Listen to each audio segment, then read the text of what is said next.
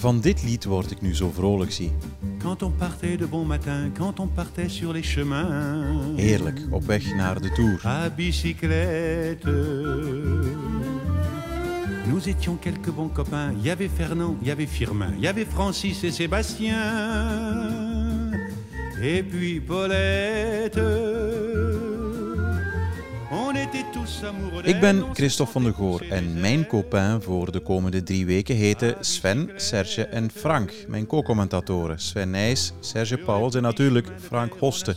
Drie weken lang praten we in deze podcast van Sportza Koers na over de etappe van de dag. devant Paulette.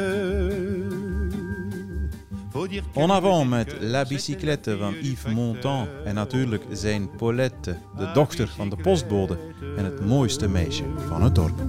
Et depuis qu'elle avait 8 ans, elle avait fait en le suivant tous les chemins environnants. À bicyclette. Ja, dat was uh, Saint-Lary-Soulan, Frank Koste. Wat hebben we eigenlijk eh, onthouden vandaag in een etappe die bijzonder eh, traag op gang kwam. En ja, dat is de coureurs gegund uiteraard, maar voor spektakel was het eh, wachten zoals ja, eigenlijk eh, verwacht op die Col du Portet. hè.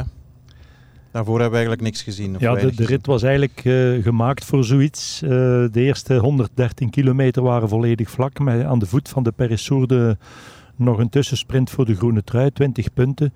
Dus daar worden, werd ook een beetje naar gekeken. Eh mannetjes laten wegrijden, dan erachter een beetje controleren in het peloton dat ze niet te ver wegrijden. En eh, gewoon tempo rijden dan op de Peressourde was ook te verwachten dat ze daar niet gingen demareren natuurlijk.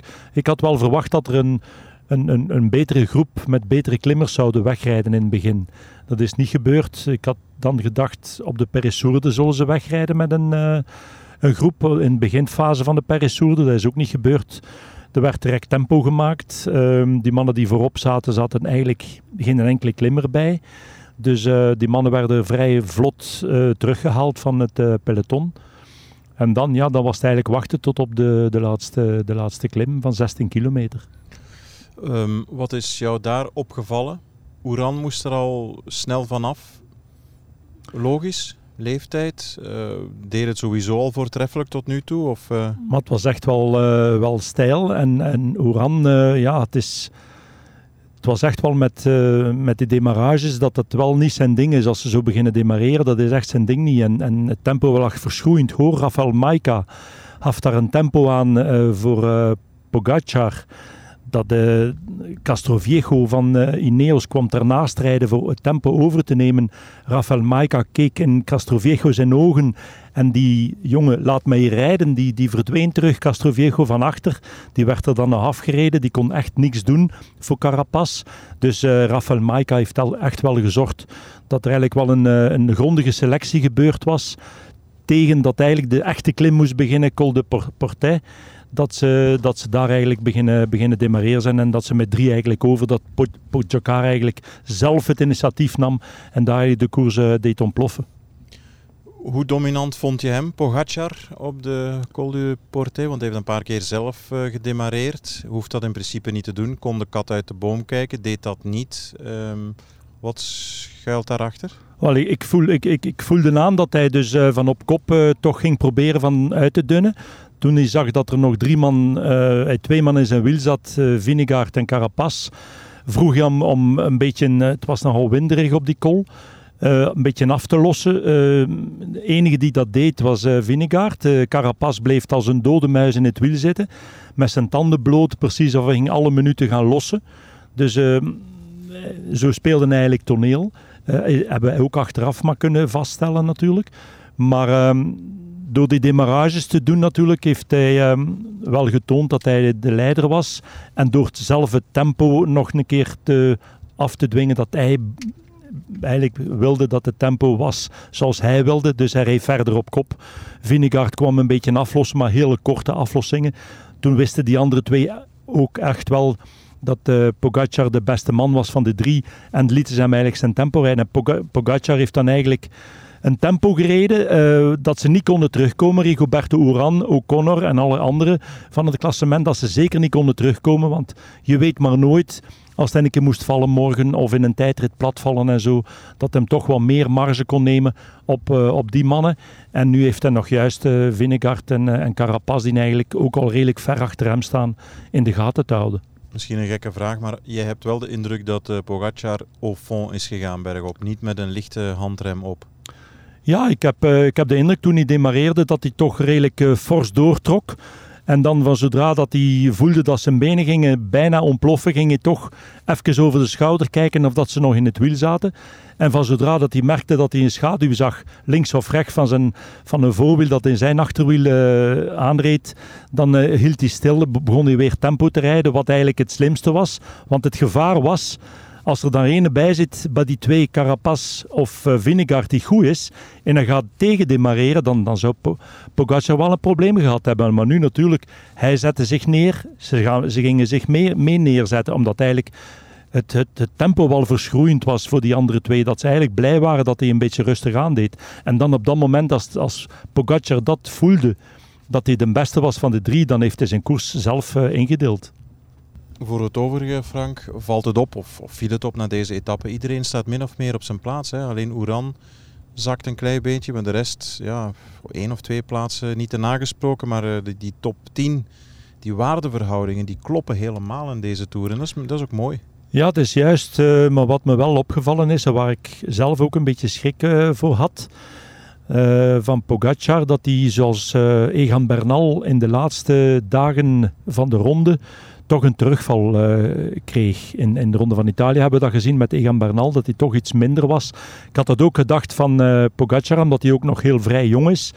En nog niet de ervaring heeft om bijna twee weken met de gele trui rond te rijden, wat toch een een hele stressfactor erbij komt. Als je als renner iedere keer de protocolair moet, protocols moet doen van de gele, van de gele trui, dan uh, is dat toch ook fel vermoeiend.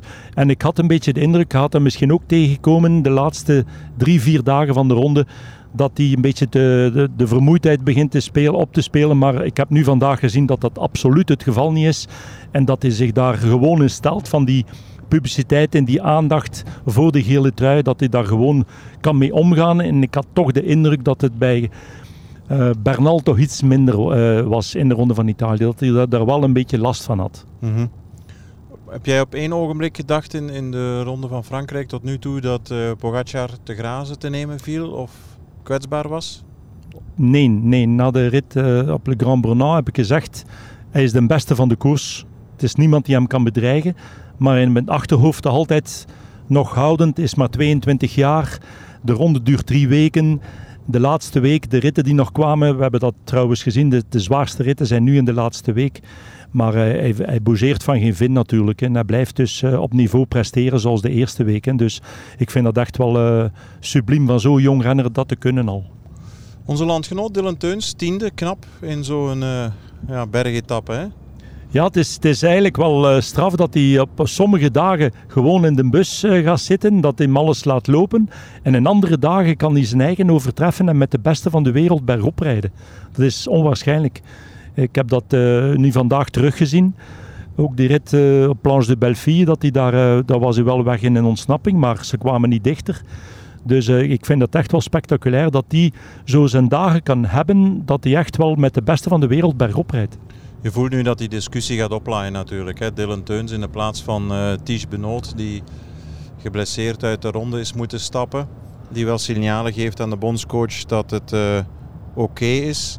Um, ik, ik, denk of ik vrees, of ja niet vrezen, ik denk gewoon administratief ook uh, dat het gewoon niet aan de orde gaat zijn. Maar die discussie gaat oplaaien. Heb jij een mening? Ja, inderdaad. Het Olympisch Comité vraagt heel vroeg wie er gaat meegaan, wie de reserve is. En dan worden die renners aangeduid. Wordt alles voor in gereedheid gebracht ginter in, uh, in BOC in Tokio. Dus ik denk dat het vrij moeilijk is van nog iemand om te wisselen. Of in het geval van Sagan en in het geval van, van nog toppers die, die zeggen ik, ik doe niet mee, ik haak af dat ze zelf zeggen en dan mogen ze eventuele reserven uh, in, inzetten. En dat zou kunnen als een van de twee, zowel uh, Greg van Avermaat, maar dat denk ik zeker niet als ex-Olympisch kampioen, maar in het geval Ties Benoot, ja, dan zou het wel echt van hem zelf moeten komen dat hij zijn plaats afstaat aan Dylan Teuns. Dus ehm, ik denk niet dat dat gaat gebeuren, maar ja, wat we nu gezien hebben van Dylan Teuns zou het wel de beste optie zijn. Maar ik denk niet dat het van uh, Ties Benoot zelf zal komen dat hij uh, zal, zal zeggen ik, geef, ik sta mijn plaats af voor iemand anders. Nee, nee want uh, collega Michel Wuit zei ook in de uitzending wel beste bondscoach kun je nog om deze Dylan Teuns heen. Maar zo makkelijk is het niet waarschijnlijk. Nee, nee het is niet waarschijnlijk. Het moet eigenlijk van de renner zelf komen die de handdoek in de, ring, in de ring gooit. En als renner, als je weet dat je misschien maar één keer in je leven de Olympische Spelen kan, kan meemaken. Dat is natuurlijk een, een persoonlijke reden. Dat heeft, dat heeft niet, niets te maken met het nationale doel van Olympisch kampioen te worden. Dan zou Dylan Teuns in die ploeg dat er nu is perfect passen. Met Remco en, uh, en uh, de huidige Van Aert die we zien rijden hebben. Dus dat zou een prachtige, prachtige ploeg zijn. Maar uh, helaas, het zal waarschijnlijk niet gebeuren. Morgen richting Lus Ardiden, weer zo'n ja, mythische naam in de Pyreneeën. Is de strijd tussen de kopmannen, de klassementsmannen gestreden? Ik denk het wel, dat ze vandaag wel uh, iedereen op zijn plaats staat die moest staan. Dat ze morgen uh, dat het, uh, ik had het al gedacht vandaag ook dat er een koers in de koers zou zijn, dat er een, groep, een grote groep zou wegrijden. Het is niet gebeurd. We hebben het geluk gehad dat we de echte klassementrijders op de laatste beklimming mogen zien strijden hebben voor de overwinning. Uh, ik denk dat dat morgen niet het geval zal zijn dat er een, een, een, groep zal wegrijden of laten wegrijden. Dat ze niet terug die Hanse koers gaan controleren om, uh, om alles bij elkaar te houden tot aan de voet van de laatste, laatste berg Luzardiden. Spanning misschien voor de tijdrit nog. Hè? Dat kan nog wel leuk worden. Uh, voor de tijdrit, voor de ereplaatsen. Maar ik zie niet in dat voor mij één favoriet voor de tijdrit, Wout van Aert. Dat zou enorm goed zijn voor zijn zelfvertrouwen voor de Olympische Spelen. En ook voor zichzelf, eh, als hij zich een beetje kan sparen, dat hij... Natuurlijk met Vinegaard is dat heel moeilijk. Een ploegmaat die tweede, die tweede staat, uh, kunnen niet, niet een plan laten. Dus hij moet over die Tourmalet geraken morgen met Vinegaard, met de eerste. En dan zou ik in zijn plaats terug doen zoals vandaag. Uh, het laten lopen op Luzardiden en uh, u rustig naar boven rijden, tempo rijden en alles op de tijdrit van, uh, van zaterdag zetten. Dank u wel, tot de volgende. Dank u. à bicyclette.